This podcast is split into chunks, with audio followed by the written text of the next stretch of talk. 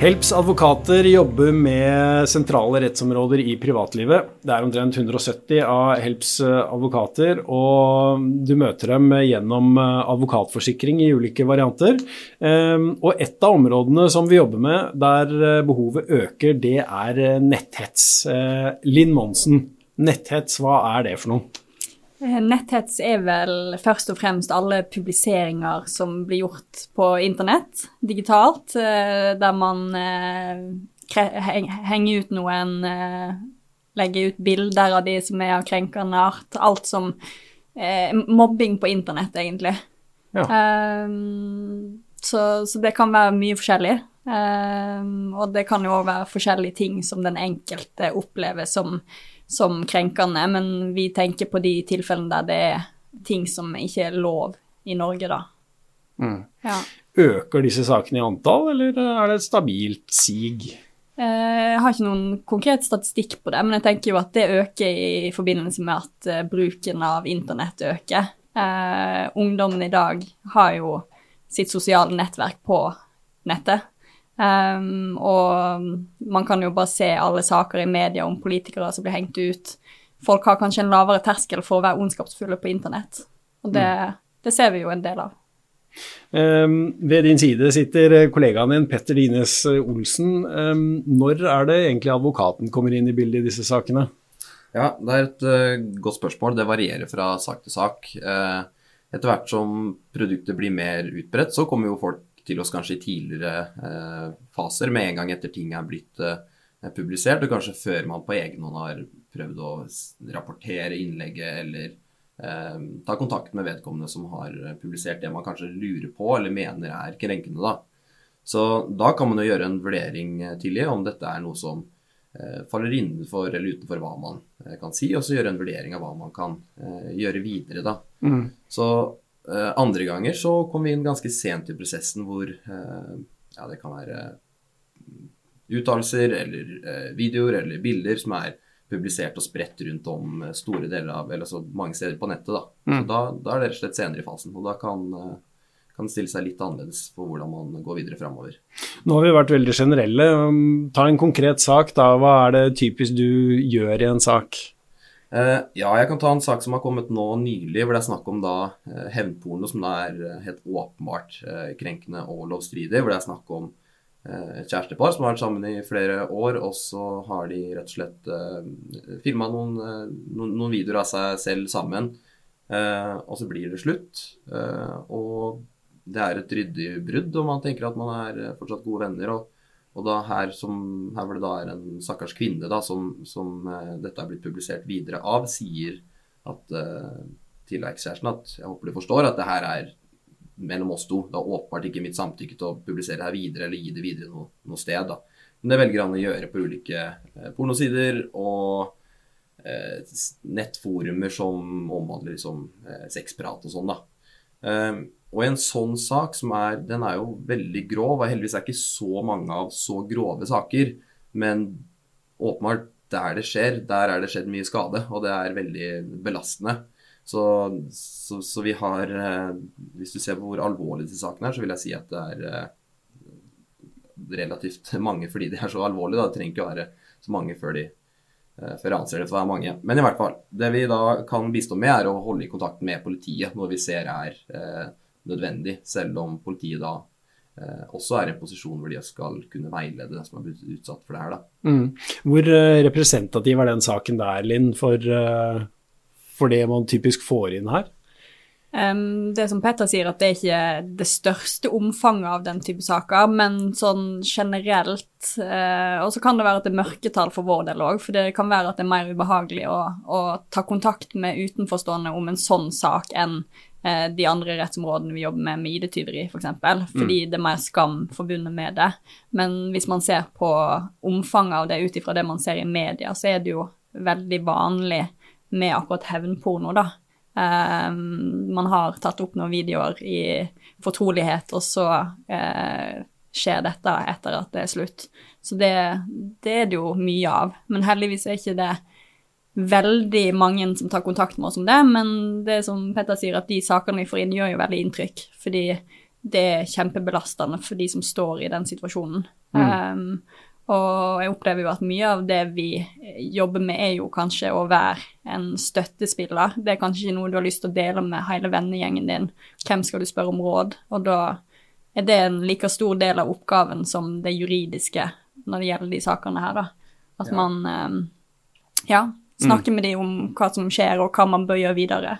Og de, de sakene her med henporene, det er også litt spesielle, fordi det vi også kan bistå med annet enn å, å, følge opp kontakten med politiet, er jo å få dette fjerna. Og så gjøre, en gjøre en vurdering om det er noe juridisk grunnlag for å holde eh, den som har publisert det, er ansvarlig for f.eks. et oppreisningserstatningskrav. Eh, Mm. Eh, og i disse sakene her, i hvert fall når det gjelder hevnporno, så kan det være ikke nødvendigvis så lurt at jeg umiddelbart går i gang med å ta kontakt med ulike sider for å få eh, publiseringene fjerna, hvis det er noe tekniske bevis eller noe sånt som politiet kan innhente for å bevise hvem som står bak det her, som jeg ikke får tilgang til. da.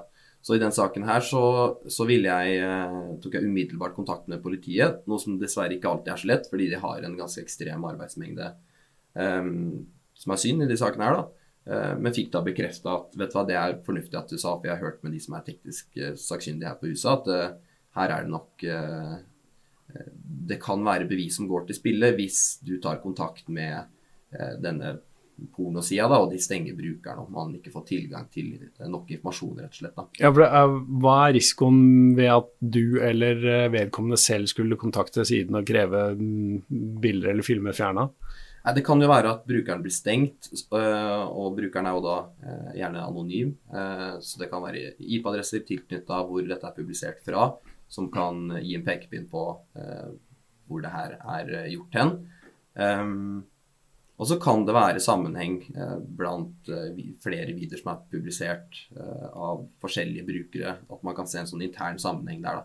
Her skal jeg være litt forsiktig, fordi dette er jo nærmest politietterforskning. Så dette er ting jeg eh, drodler med, og vi drodler med sånn innimellom fordi vi rett og slett er nødt til å gjøre det, fordi politiet har en så stor arbeidsmengde. da. Ja, men hvor går liksom grensa mellom hva du gjør og hva som er politiarbeid?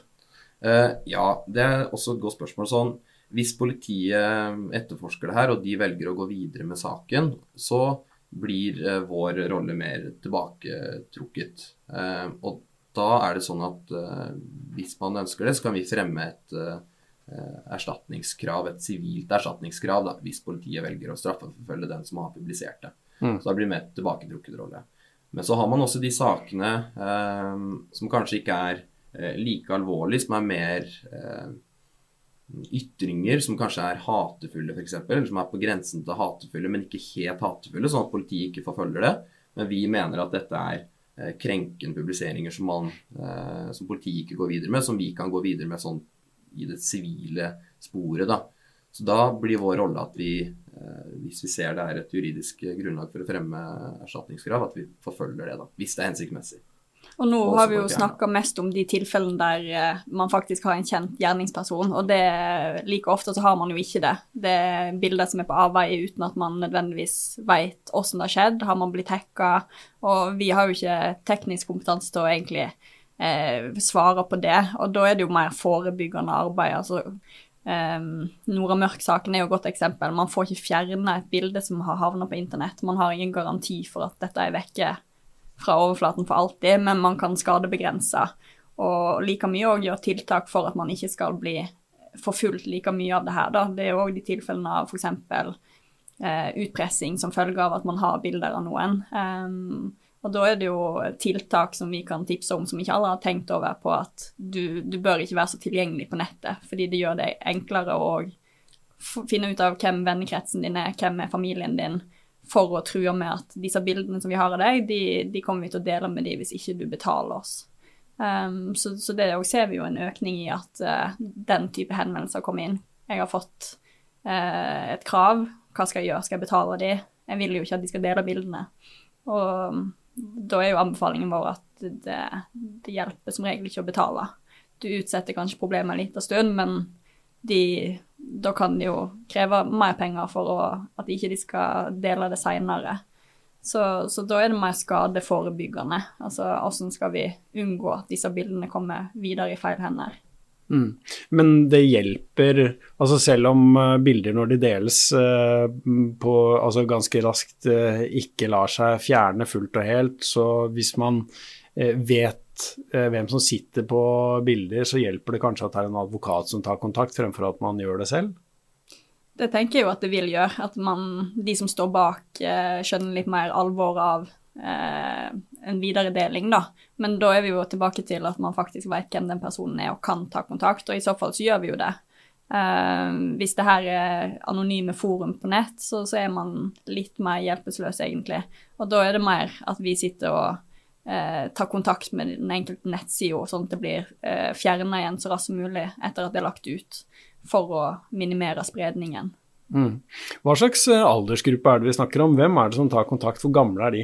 Uh, ja, altså jeg har jobba her siden uh, januar og fått prata med ganske mange personer. Og det slår meg hvor uh, allsidig det er. Altså det er folk i forskjellige aldersgrupper. Ja, man kan få unge, unge, personer hvor det er publisert ting på Snapchat, TikTok, andre sosiale medier.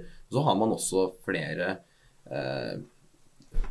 både eldre og rundt 30-40-50 år. Det er ganske Jeg syns det er en, en, relativt stor spredning, altså. Mm. Ja. Når skal man egentlig gå til politiet og politianmelde det man er blitt utsatt for? Tenker at man ikke trenger å ha så veldig høy terskel for det. Ehm, det er jo aldri noe vi tvinger noen til å gjøre, men vi vil jo alltid oppfordre til det. Eh, ikke bare for oppfølging fra politiet sin del, men òg litt for statistikkene. Altså hvor vanlig er egentlig dette her. Og der er det nok store mørketall fordi man ikke orker å gå gjennom den prosessen. Um, og så avhenger det selvfølgelig av alvorlighetsgraden av det som er delt, om politiet faktisk uh, starter etterforskning på en sak eller ikke. Mm.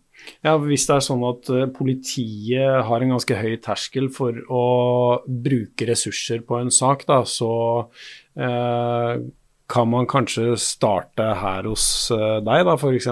Petter, og så kan dere sammen bli enige om hva som er lurt å gjøre? Mm. Jeg syns det er fornuftig. altså En viktig del også av den hjelpen vi gir, er jo at det kommer også personer til oss som ja, har spørsmål om er dette innafor eller er det ikke innafor. Så kan vi også gjøre en juridisk vurdering og si at vet du hva, dette er helt innenfor f.eks. hvis det er en mening, dette er helt innenfor hva eh, vedkommende har lov til å mene og lov til å ytre innenfor liksom, rammene for ytringsfriheten. Eh, så det kan jo også være eh, en verdi det, å få en pedagogisk forklaring på hvorfor dette er innenfor. Eh, og da kan jo da det naturlige rådet være at du må gjerne politianmelde, men sånn vi ser det, så er det ikke noe eh, grunnlag her for at denne publiseringen er, er eh, lovstridig.